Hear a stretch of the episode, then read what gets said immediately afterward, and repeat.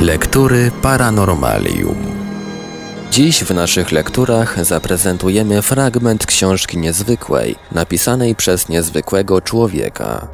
Moje widzenie świata ojca Andrzeja Czesława Klimuszki, polskiego kapłana, franciszkanina, wizjonera, jasnowidza, medium i zielarza. Książkę tę na naszej antenie prezentujemy w odcinkach w całości. Bodźce zewnętrzne.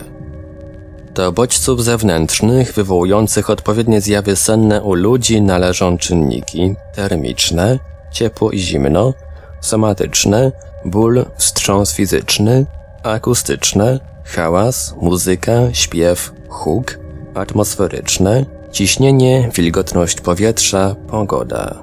Rozpatrzymy niektóre z nich. Ciepło i zimno.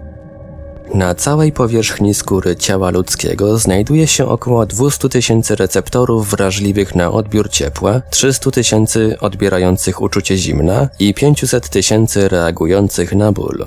Nie są to liczby ścisłe, lecz orientacyjne, podane w przybliżeniu. Wskutek takiego układu receptorów organizm ludzki jest najmniej wrażliwy na odczucie ciepła, natomiast na zimno, a zwłaszcza na ból, reaguje bardzo mocno. Dlatego człowiek potrafi bez szkody dla siebie wytrzymać temperaturę ciepła nawet do 100 stopni Celsjusza pod warunkiem, że pomieszczenie w jakim się znajduje będzie stopniowo podgrzewane. Słoneczna temperatura w wysokości 80 stopni jest zabójcza. W temperaturze niskiej, na przykład poniżej 50 stopni, człowiek ginie w ciągu 20 minut, jeśli nie jest ubrany.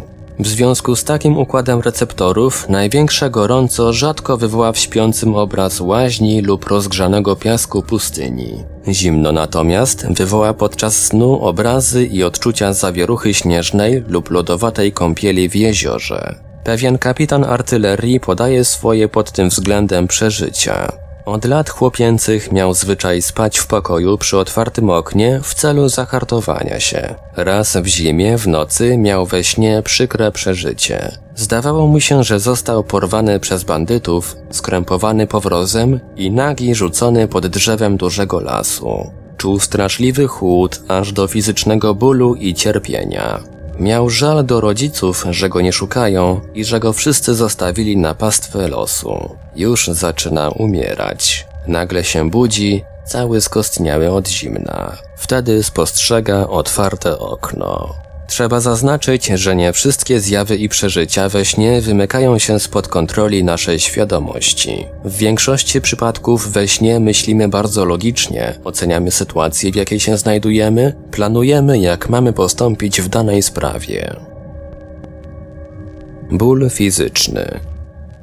Przedstawiam przykład powtarzany często przez profesorów na lekcjach psychologii, jedynie ze względu na jego pouczającą wartość. W czasie Wielkiej Rewolucji Francuskiej pewien profesor miał bardzo dramatyczny sen. Śniło mu się bowiem, że został przez konwent aresztowany i wtrącony do lochu, gdzie przeżywał swój tragizm.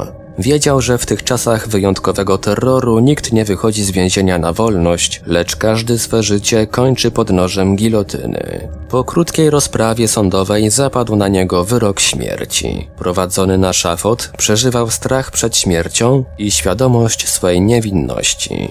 Smutnym spojrzeniem pożegnał Paryż i całe swe życie.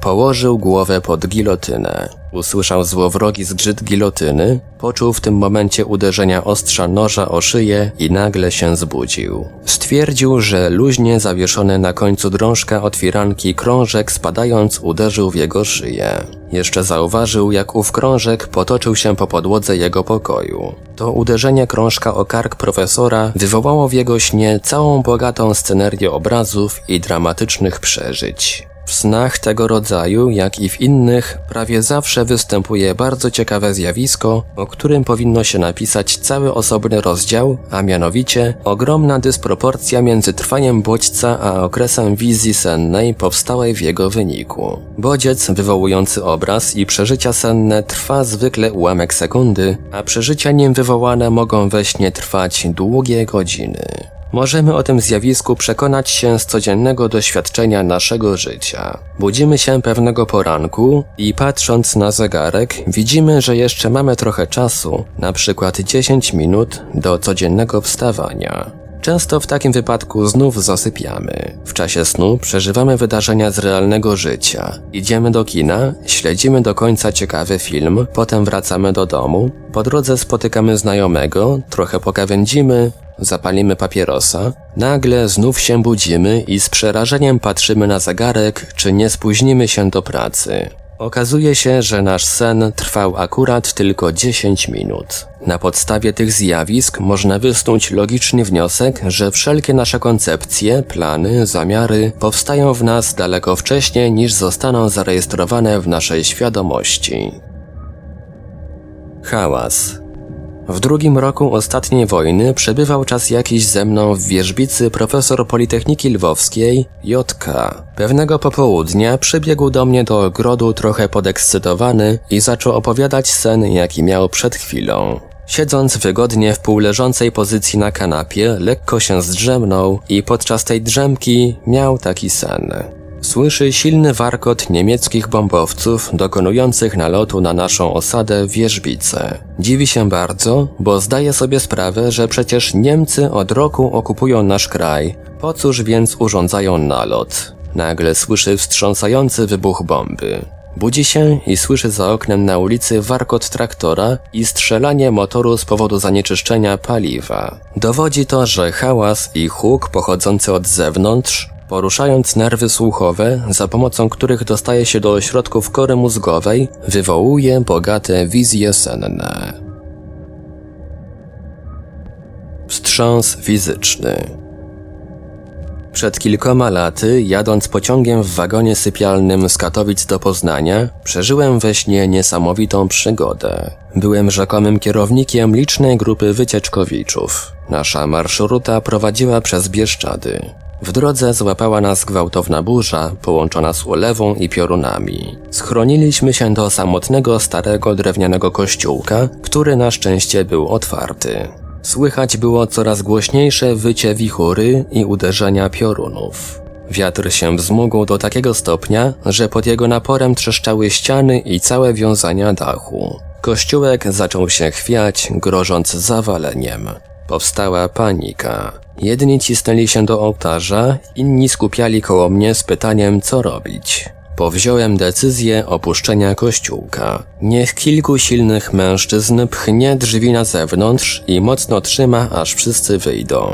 Drzwi otworzono z wysiłkiem, ale pod naporem wichru znowu się zatrzasnęły z hukiem tak silnym, że w tym momencie się obudziłem. Stwierdziłem, że rzeczywiście wagon się chwieje dziwacznie i usłyszałem miarowe uderzenia w przednią ścianę wagonu.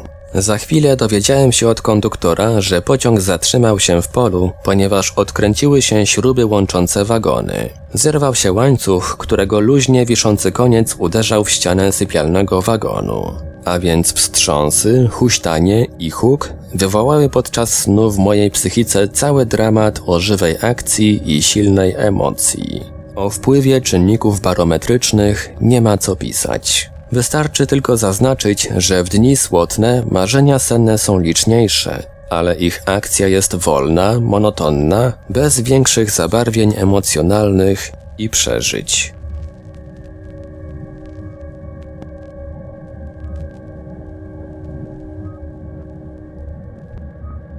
Był to fragment książki Moje widzenie świata ojca Andrzeja Czesława Klimuszki. Dalszy ciąg w kolejnym odcinku Lektur Paranormalium.